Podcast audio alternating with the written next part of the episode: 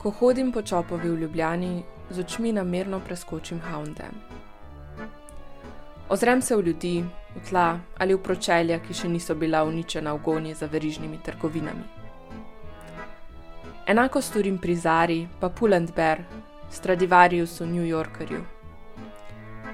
Namesto tega opazujem ptice, ki letijo mimo, pa tistega gospoda na ulici, ki vsakič znova iz peska oblikuje ležečega psa.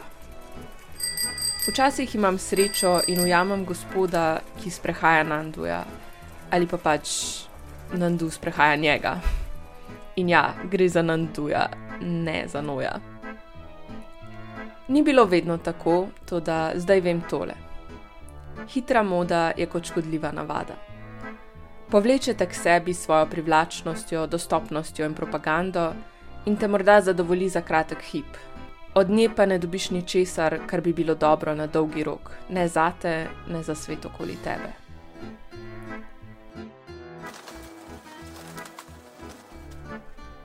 Lepo pozdravljeni, z vami sem Nika Pušljar in poslušate Radio Eter. Zdelo se mi je, da je že skrajni čas, da rečemo kaj o hitri modi in hitrih izdelkih na splošno. Se to ne velja le za oblačila in obutev, temveč tudi za marsikaj drugega v današnjem svetu. Ko so me pri radiju vprašali, če bi bila za intervju z dekletom, ki se ukvarja s predelovanjem oblačil in trajnostno modo, sem zato takoj rekla ja. Vendar pa se mi je zdelo, da je za tako kompleksno tematiko potreben več kot samo intervju. Tako sem se odločila, da bo nastala kar serija oddaj, ki ima zaenkrat tri dele, občutek pa imam, da bi znala še zrasti. Uvodna oddaja bo bolj izkušenska, o hitri modi na splošno. Predvsem bi rada podala moja opažanja o odnosu družbe do hitre mode in nekakšen semafor in v bolj etično, trajnostno, ampak ne tudi nujno dražjo modo. Na to sledi intervju s trajnostno ustvarjalko Zalo Hrastar, na to pa še ena od alternativ: rabljena oblačila in izmenjevalnica. Pa zaplujmo v prvo oddajo serije. Za malo ozadja. S trajnostjo se ukvarjam že od gimnazije. Takrat sem začela kupovati rabljeno, predvsem na bošjakih in garažnih razprodajah, ki so potekale v parku Tabor v Ljubljani. Ukvarjati sem se začela z raziskovanjem vplivov proizvodnje na okolje in etične potrošnje, če temu lahko tako rečemo. Že dolgo sem predelovala oblačila in sama izdelovala reči, ki sem jih želela imeti. Malo za okolje, malo za dušo in ustvarjalnost, malo za denarnico. Dejanske razsežnosti hitre mode sem spoznala šele nekaj let kasneje na faksu ko sem se začela bolj ukvarjati z družbenimi sistemi, s kolonializmom in kapitalizmom. Takrat sem postala še bolj pozorna na družbene narative okoli mene. Ko sem se tekom let pogovarjala z različnimi generacijami ljudi o tej tematiki, me vsakič znova presenetilo in me v bistvu še vedno preseneča, kako se lahko zavedanje in odnos do kosov iz trgovin s hitro modo spreminja. V zadnjih letih se zaradi neposredne korelacije z onesnaževanjem in podnebnimi spremembami tematiko sicer vse več naslavlja, pa vendar ostaja neoprijemljiva luknja navade in neozaveščenosti, iz katere bi se morali izvleči, da bi se sploh lahko podali v bolj trajnostne alternative.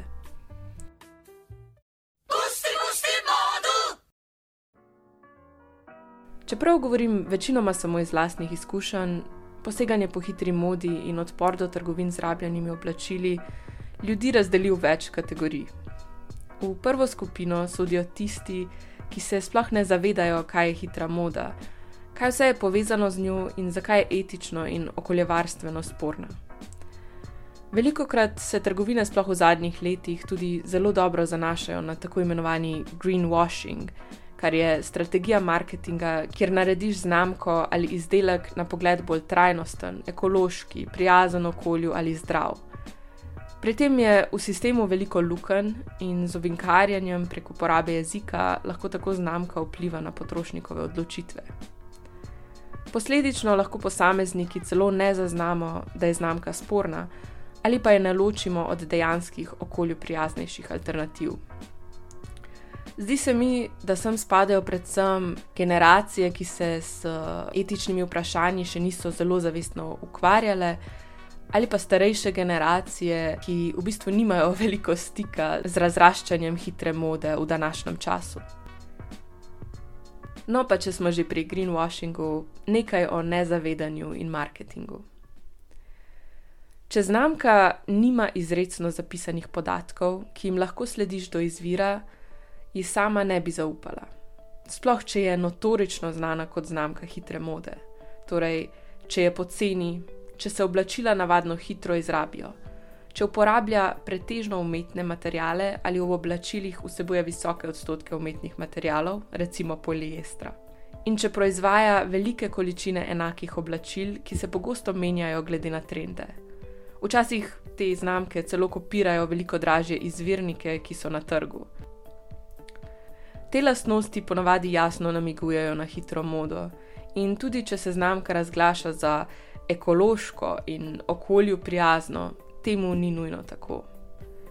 Houndem je jasen primer tega. V zadnjih letih sem opazila, da veliko oglašuje, da so oblačila narejena iz njihovih recikliranih oblačil.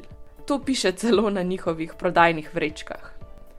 Toda v realnosti si ne morem pomagati, da ne bi dvomila, ko naredim primerjavo s tem, kako so ta oblačila ter oblačila, iz katerih so reciklirana, ustvarjena, kakšen okoljski vtis imajo.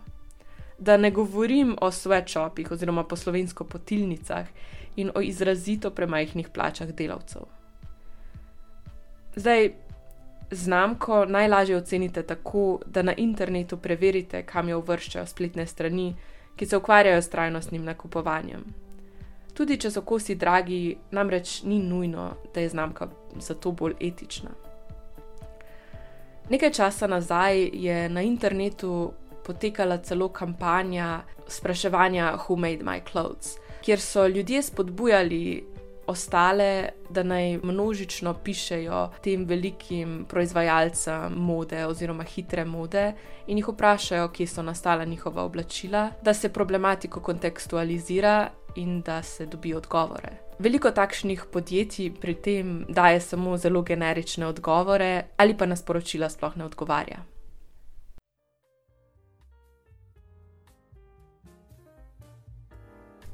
Naslednje vprašanje je povezano z nekakšnim odporom do rabljenih kosov, kot bi bili nekaj nizkotnega in nasprotni luksuzu. Torej, kaj je s to idejo luksuza? Tu naletim na drugo skupino potrošnikov. Največkrat, ko se pogovarjam s kom s stabilnim in rednim dohodkom, ali pa z nekom, ki bi rad dajal premožnejši vtis. Zakaj bi kupila nekaj rabljenega, če si lahko privoščim novo? Seveda je vprašanje razumljivo, čeprav iskreno povedano je včasih naporno. Kje naj začnem z razlago, da ni vse v zunanjem imidžu in temu, kaj si lahko privoščim in česa ne? Meni so rabljena oblačila upor in kontra neetičnosti.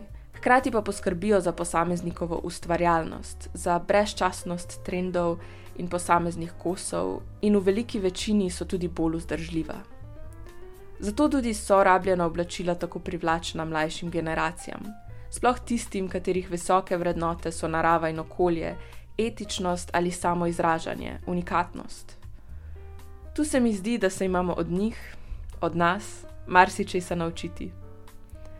Veliko raje dam svoj denar v kose, ki so bili ustvarjeni pred leti in v namenu zdržljivosti.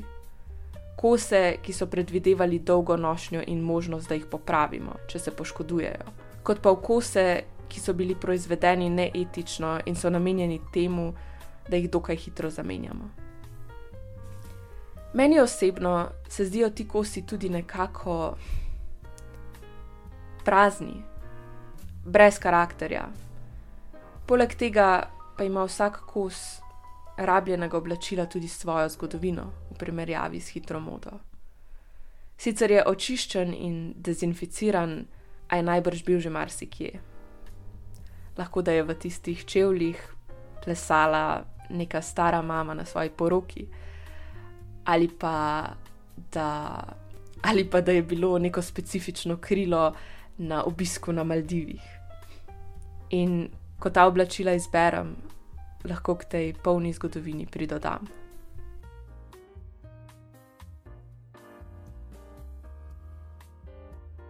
Pa je najti kose rabljenih oblačil pretežko? Tu bi rada naslovila vprašanje dostopnosti, tako cenovne kot krajevne.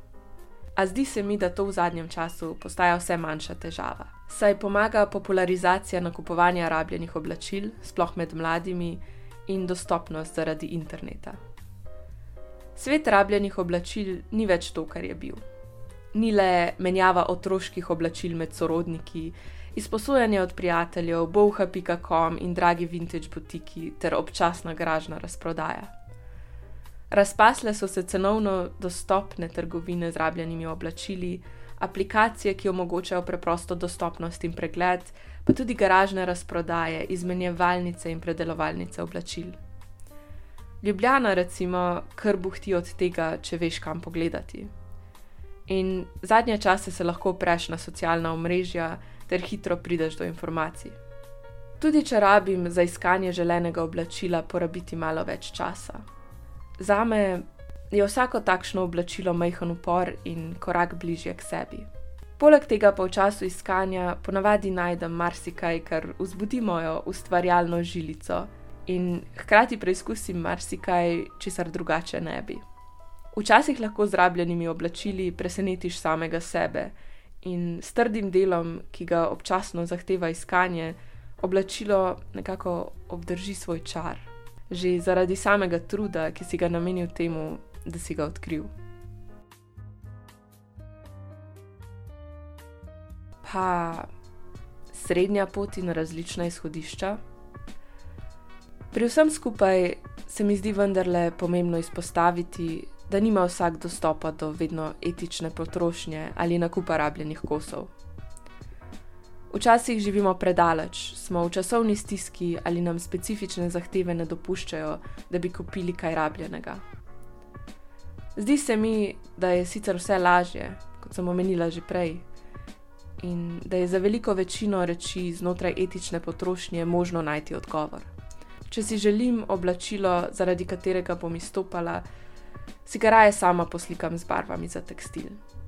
Če mi ne paše na obliko telesa, mi je preširoko, recimo, si ga prilagodim s šivanjem, ga nesem k babici s šivalnim strojem, da mi pomaga ali pač k šivili.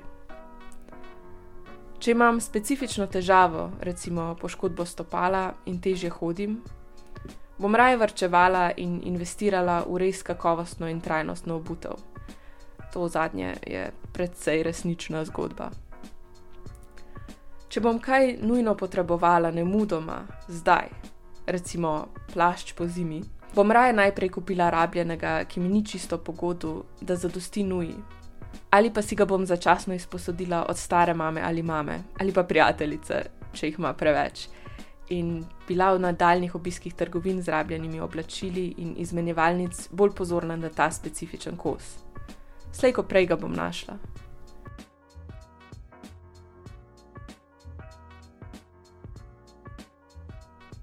In poslovilna misel ali kratka kritika potrošnje. Vseeno je najboljši upor in najbolj etična potrošnja upor potrošnji. In upor zavrževanju tega, kar že imaš.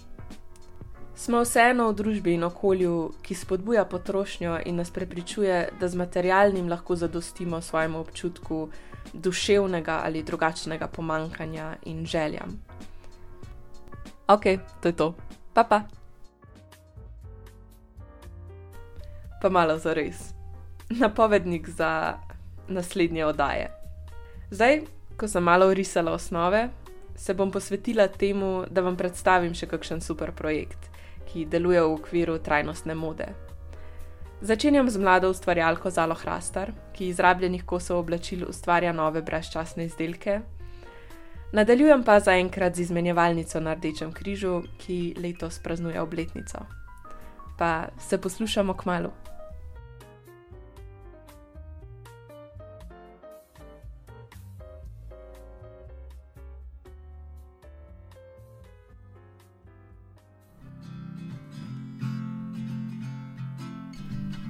Serija oddaj Dvigoritis nastaja s podporo zavarovalnice Sava.